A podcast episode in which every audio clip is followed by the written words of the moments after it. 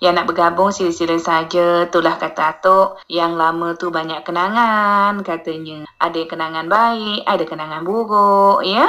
Yelah ada yang bergabung. Halo, Assalamualaikum. Waalaikumsalam. Warahmatullahi wabarakatuh. Dengan siapa ni? Antera di Ranai. Dengan siapa?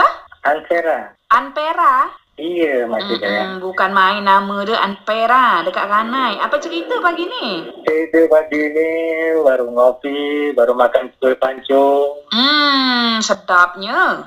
Ah, pakcik, Ya, pantun dia apa? pantunnya ada juga sedikit ni, Makcik. Mm-mm, kalau tak ada pantun masa lalu kuih lah sedap, Ah, air lah sedap. Mm-mm. Kalau hilang bisa diganti. Betul. Kalau putus bisa disambung. Mm-mm. Memang kita tiada saling mengerti. Mm-mm. Mungkin ada sesuatu yang terselubung. Betul. Ada maksud tertentu dia terselubung Yeah. tu. Terus? Kalau pergi ke air batu, Mm-mm. tidak lupa singgah rumah Tok Dalang. Mm-mm. Kalau kita memikirkan sesuatu, Ya. jangan lupa bersembahyang. Mm, betul. Ha. Uh, uh, pandai Pak Cik ni pantun. Eh, jangan dipuji lah Makcik. Nanti, ini Makcik. Kalau aku ada di sini, Mm-mm. sedangkan engkau di sana, Iya, sedih ni. daripada kita bersendiri, Mm-mm. lebih baik kita berdua. Mm-mm. Uh, uh, tergantung juga. Ada orang tu lebih baik sendiri daripada berdua. Apa lagunya semua ini, Makcik? Uh, uh, ya, ya, ya. Salam buat Makcik Joya dan operatornya. Ya, Pakcik Makcik Azhar. Leha. Mm-mm. Uh, Tok Dalang, Mm-mm. apa khabar Tok Dalang gitu dari bagilah duluan ya enggak? Mm-mm. Ah, bersemangat Mbak Long Is Mm-mm. ah, dan semuanya makcik. Mm-mm. Ah, Lagu? Lagu makcik minta Lagu apa? bujang lajang makcik. Bujang? Bujang lajang. Bujang telajak nak pakcik. Jangan bujang lajang, bujang lajang makcik. Uh, tak ada mungkin bujang lajang. Kita cari dulu ya. Ada ke makcik? Kita cari dululah. Kita tak tahu ada ke tidak. Iyalah makcik. Jangan bujang lajang, kita lah lajang makcik. Assalamualaikum. Oh, Waalaikumsalam warahmatullahi wabarakatuh. Dengan di mana pun uh, Pak Cik Makcik Mangah Maklong, Wanaki, uh, tadi Pak Cik Anpera ya telah bergabung dengan kita. Uh, saya nak menyapa juga untuk Makcik Ida. Makcik Ida yang lagi sibuk buat kuih ni. Kuih apa tak tahu juga. Mudah-mudahan sukses buat kuihnya ya. Laris manis kata orang tu ya. Dan tentunya mudah-mudahan sihat selalu. Yalah Pak Cik Makcik Mangah Maklong langsung sajalah kita jalan-jalan ke kampung baru. Tidak lupa nak beli madu. Kami akan putarkan lagu. Lagu yang satu ni sangatlah merdu. Sayang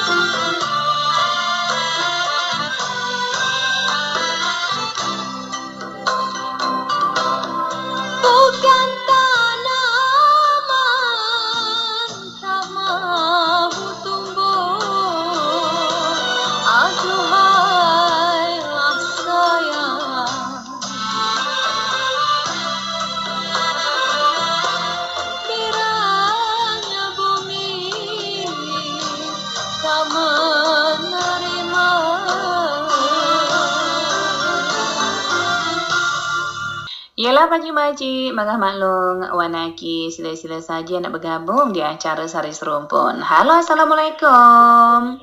Salam. Ah, siapa ni? Makcik Mus ni. Makcik Mus apa kerja pagi ni? Iling uti. Iling Sambil uti. sagu. Ai sedapnya ni sama dengan Makcik Ida. Makcik Ida tu lagi sibuk buat kuih juga ni. Ha uh, bertendin lah ya.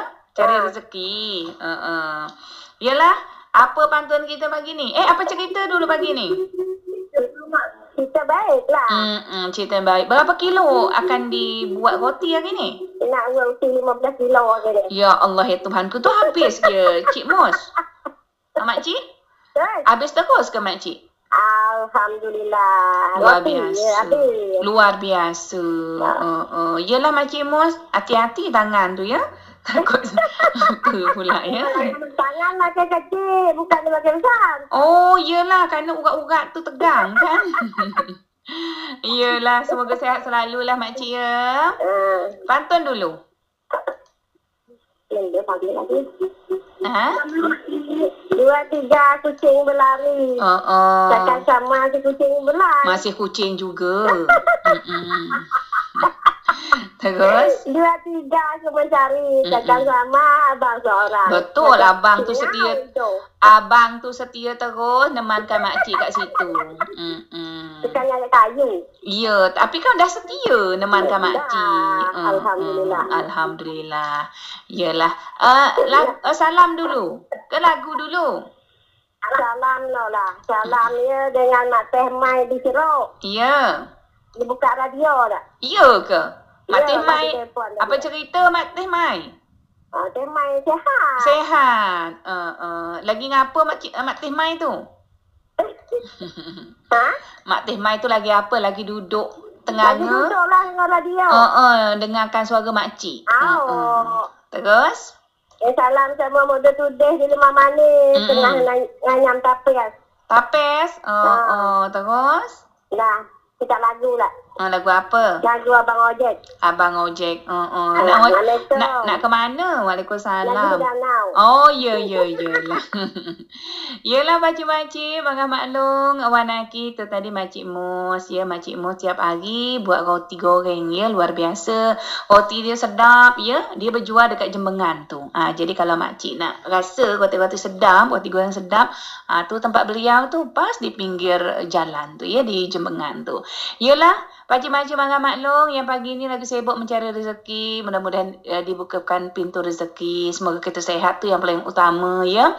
Boleh kita bekerja tapi kita harus istirahat juga. Memberikan waktu untuk tubuh kita beristirahat ya. Yalah pakcik-makcik bangga maklum sila-sila saja. Uh, yang nak bergabung, yang nak kirim-kirim salam. Pakcik Ridwan, apa cerita bakso kita pagi ni? lah banyak laku ke? Ataupun sibuk ke Pakcik Ridwan ni mencari ikan, nak buatkan bulat bakso ya? Jadi mudah-mudahanlah semua pekerjaan kita dimudahkan pada hari ini ya. Yalah pakcik-makcik malam maklum sila-sila saja yang lagi sibuk dengan cucu, dengan anak, yang lagi sibuk nak kemas-kemas rumah, yang lagi sibuk nak memasak kerana hari ini hari libur ya untuk makcik-makcik yang bekerja kantor ya hari ini hari libur. Jadi dimanfaatkan uh, digunakan waktu tu dengan sebaik mungkin. Mungkin nak membuat menu-menu spesial untuk keluarga tercinta ya. Mudah-mudahan kita sehat semuanya ya.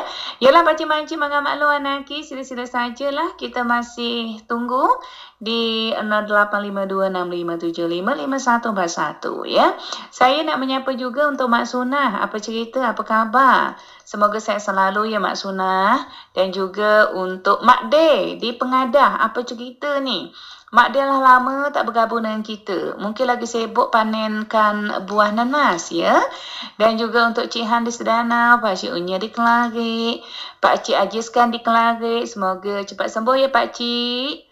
Mudah-mudahan saya selalu juga Pak Cik ni ya. Mudah-mudahan sabar menghadapi semua cobaan ya. Mudah-mudahan cepat sembuh lah ya.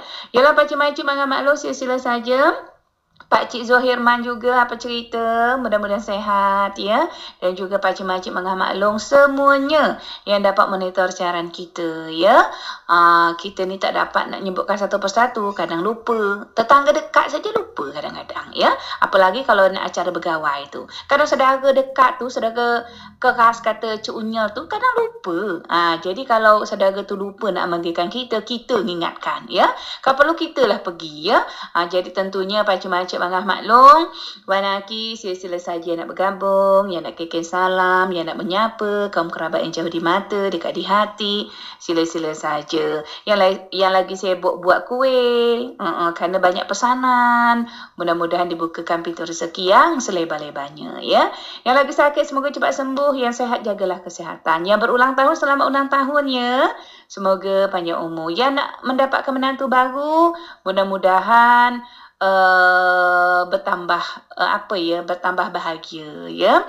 Dan um, uh, dan tentunya biasanya kalau nak mendapat menantu baru tu banyak persiapan. Ah uh, tentunya uh, Pak Cik Makcik Mangah Maklong, Wan Aki yang nak bergabung, yang nak kirim-kirim salam, boleh-boleh saja. ya. Eh, saya nak menyapa juga untuk Pak Cik April di belakang tu. Apa cerita pagi ni? Sehat selalu, bahagia selalu. Mm-mm. Dan juga saya nak menyapa untuk Pak Cik Dika dan juga Pak Cik Yunus. Uh-uh. Mudah-mudahan monitor kita pada pagi hari ni. Semoga sehatlah ya. Apa cerita, apa khabar? Semoga sehat selalu. Ni salamnya dari Pak Cik April untuk Pak Cik Dika dan Pak Cik Yunus ya. Yang mungkin pagi ni monitor siaran kita ya. Kita ucapkan selamat pagi. Jangan lupa menggunakan masker ya dan berhati-hati dalam beraktivitas. Yalah Pak Cik Makcik Mangga Maklum kita jalan-jalan ke Kampung Baru tidak lupa nak beli madu. Kami akan petakan lagu. Lagu yang satu ni sangatlah merdu.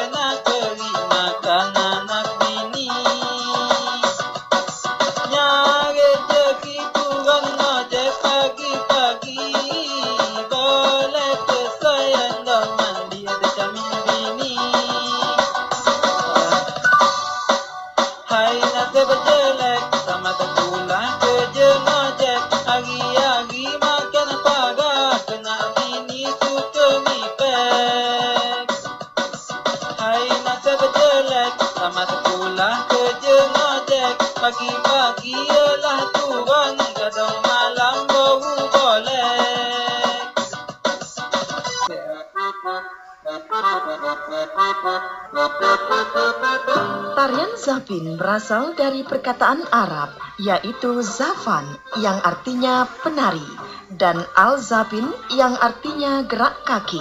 Tarian ini diilhami oleh peranakan Arab dan diketahui berasal dari Yaman. Pada mulanya, tarian ini adalah tarian hiburan di istana. Setelah dibawa dari Yaman oleh pedagang Arab pada awal abad ke-16, Tarian Zapin merebak ke negeri-negeri sekitar Johor seperti Riau, Singapura, Sarawak, dan Brunei Darussalam. Di Pekanbaru, tarian Zapin diperkenalkan oleh seorang songkok yang berasal dari Sumatera bernama Adam sekitar tahun 1930-an dan sangat populer pada tahun 1950-an, terutama di Kampung Tanjung Gemuk dan Kampung Lamir. Di wilayah Nusantara, tarian Zapin dikenal dengan dua jenis, yakni Zapin Arab dan Zapin Melayu. Tarian Zapin hingga kini masih dapat dilihat pada berbagai acara, seperti acara perkawinan dan hitanan, pesta desa, sampai peringatan Hari Besar Islam. Umumnya penari Zapin adalah laki-laki dan tarian ini diiringi musik ensemble yang terdiri dari pemain marwas, gendang, suling, biola, akordeon, dumbuk, serta harmonium dan vokal. Iyalah pakcik-makcik, mangah maklong, wanaki sila-sila saja nak bergabung di acara Sari Serumpun di kesempatan pagi hari ini. Halo, Assalamualaikum. Waalaikumsalam warahmatullahi wabarakatuh. Eh, ngapa anak dara ni terlambat datang ke rumah saya? Kebetulan ada mak saya. Mm-mm. Ada Mak- kawan saya. Mak masih mantau juga anak dara tu. Betul. Dan takut nak darah bintu nak tiap angin. Mm-mm. Maklumlah musim sejuk-sejuk ni. Nampak ni sekarang terbalik. Mak mak mantau anak, ya? Tak anak mantau mak. Betul. Mm-mm. Uh, Kerana anak sibuk cari duit terus. Betul anak zaman now lah. Mm-mm. Long, Ya. apa tambul kita pagi ni? Uh, tambul pagi ni apa ya? Ipok-ipok kayaknya. Ha. Oh, oh, sampai tak tahu. Sian mak tu datang ke rumah tak ada kuih. Buat rumah tegakkan tiang. Ya, Supaya lawa pasangkan kenopi. betul. Uh, apa ya? Ha, tak tahu Terasa rasa. sejuk beden meriah. Mm-mm. Ternyata saya lah tiga gelis ngopi. Itulah terlalu banyak minum kopi tu tak baik juga. Betul. Oh, oh. Ingat usia tu. Oh, oh, ya Mm-mm. perasaan masih muda lah. Itulah 17 tahun terbalik. ada lagi lah. Ya, Ada lagi. uh, dah itu aja. Oh, oh eh kalah Saya dengan Atuk. Atuk Saya nak dua. minta lagu apa ya kira-kira ya? Ah, lagu apa lah tu? Lagu berdentam-dentum aja lah ya. Ah, boleh lah. Hmm, dah ada belum yang minta lagu tu? Ah, dari Makcik Siti kan? Ah, ah. Ah, Makcik Siti lah tadi lah nyanyi. Oh, dah nyanyi Dia kata dia penat sangat kalau nyanyi dua kali. Oh, ya. Mm-mm. Kalau gitu lagu, ya lagu Selamat Tinggal Bungaku aja. Tapi yang versi bapak-bapak ya. Ah, iyalah, nanti dicari Pakcik lebih Azhar. ah, Ah, iyalah. ah, salamnya spesial untuk Makcik Joya. Mm-mm. Yang sekarang masih sendirian ke? Ah, ada Cik Azhar, ada Pak Makcik Penny, banyak. Mm-mm. Salam juga untuk yang uh, bergabung pada pagi hari ini. Iya. Salam tengah-ngak pendengar Pro 1 di mana pun berada. Mm-mm. Uh, untuk operatornya siapa ya? Oh, Mak- Pakcik Azhar. Oh, Pak Jakar. Iya, dari tadi Oh. saya sebut. Saya Oh, bukan iya, sendiri. aduh. Kawan saya banyak. Cik Azhar, Mak Cik Penny, Mak Cik Rita. Kawan saya. Oh iya. Pak Cik ya. Apral belakang tu ada juga. Oh, oh ya Mm-mm. maklum lah. Kena tip angin telinga ni Iyalah. agak desing-desing. oh. Kita kan banyak kawan. Banyak orang sayang dengan kita. Mm-mm. Sekali-sekali kan nak lah pergi neman. Boleh lah tu. Tapi nanti ya, tunggu tak sibuk ya. Ah, Iyalah, saya buat terus. Ah, terima kasih. Assalamualaikum Ya. warahmatullahi wabarakatuh. Waalaikumsalam warahmatullahi wabarakatuh. Yalah Pak Cik Mancik Malam Maklong, Ngawan Aki yang nak bergabung, yang nak kirim salam, yang nak menyapa. Lagu Selamat Tinggal Bungaku. Dia tu yang nak minta yang laki-laki ya. Uh-uh. Dia kan ada yang perempuan dia juga, yang laki-laki ada juga ya. Yalah Pak Cik Mancik Malam Maklong, sila-sila sajalah yang nak bergabung, yang nak kirim salam. Kita ingatkan juga untuk Makcik Mangah Maklong yang rumah dia berdekatan dengan pantai harus berhati-hati juga ya kerana angin gelombang luar biasa. Ah, dia bergabung. Halo Assalamualaikum. Waalaikumsalam. Ah, kenapa pula yang bujang satu ni terlambat? Hmm, tak apa, kita ujung-ujung sikit pun tak apa. Tak apa. Tapi kalau pantun tu kena terus tu. Oh, ni Atuk ni Alhamdulillah musim sejuk makin Ha-ha. bikin pula ni. Apa? Orang makin muka sejuk ni bikin hangat-hangat. Oh, Tak iyalah. semangat. Dia kan tetangga dia makan bakso sampai ke tetangga. Kan hangat tubuh tu. Hmm. Iyalah. Ah, ni pantunnya lah. Apa ni. tu? Pohon rindang membuat teduh. Ya. Batu hancur jadi kepingan. Oh, oh. Jangan menangis, jangan mengeluh. Ah, kenapa pula? Hidup ini penuh perjuangan. Ai, bukan main pantun nasihat dia. Hmm. Terus? Dari Aceh ke kota Bandar. Ah. Kota Lombok banyak masjid beribu. Mm-mm. Ingat olehmu wahai ayahanda. Mm-mm. Jaga Allah, Allah akan menjagamu. Betul. Uh, uh. Tu dengar tu ya. Oh, Ingat Allah, dengar. maka Allah akan menjagamu. Iya. Jadi tak usah takut-takut. Iya, dia tak Daripada takut. kita berpeluh bantal terus tiap malam. Uh. Saya lah. Salam. Salam untuk Atuk. Mm. Untuk masuk salur. Ya. Untuk orang Sungai Ulu. Ya. Untuk makcik juga. Eh, terima kasih. Nah, banyak pelanggan nampaknya suara tu. Biasa lah, satu Ya. dua. Ah, boleh lah. Uh, uh. Nak minta lagu ya? Ya. Lagu, Lagu apa? Madah Pusaka tak ada. Oh lah, tapi lagu ni uh, tinggal satu lagi ni. Tinggal selamat Oh, tinggal iyalah. mengaku ikut Oh, je ya. ikut aje lah. Ya, ya, Kita ya. ikut aje. Dah, Assalamualaikum. Waalaikumsalam warahmatullahi wabarakatuh. Yalah baca maci bangga maklu anaki bila masa dipanggil maut harta benda tak berharga sama sekali. Asam di darat ikan berenang laut. InsyaAllah kalau panjang umur esok ni kita akan berjumpa kembali. Jalan-jalan ke kampung baru. Tidak lupa nak beli madu. Kami akan bertakan lagu. Lagu yang satu ni sangatlah merdu. Selamat tinggal bungaku Aku bermohon pergi dahulu Terima kasih seruanku Jasamu untuk diriku.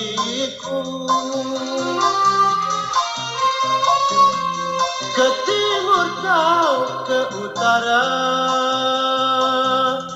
tak tentu di mana nak tujukan setitik air mata dititis dan dibuang jangan. Sekiranya aku masih berada nun jauh di balik awan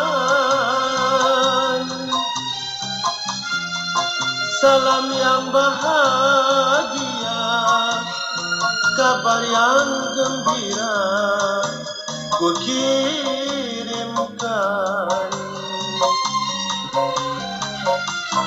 Inikah akhir bertemu? Bila niat kan berjumpa lagi Ingatlah pesananku Jaga baik diri sendiri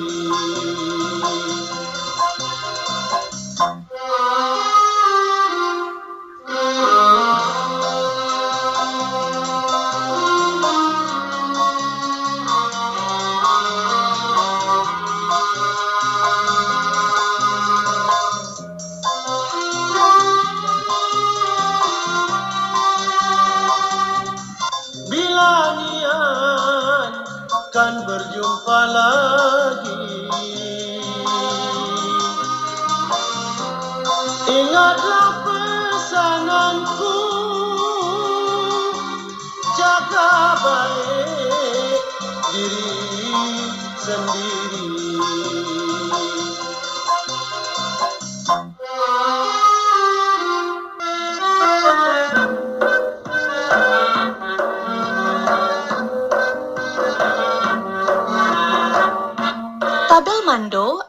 disebut pizza ala Natuna yang sepintas mirip dengan pizza Italia merupakan salah satu makanan khas Natuna yang terbuat dari ikan tongkol, sagu mentah, dan kelapa parut.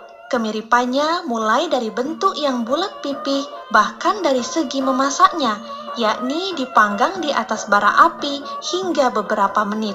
Hanya saja pada tabel mando yang menjadi toppingnya adalah ikan tongkol asap.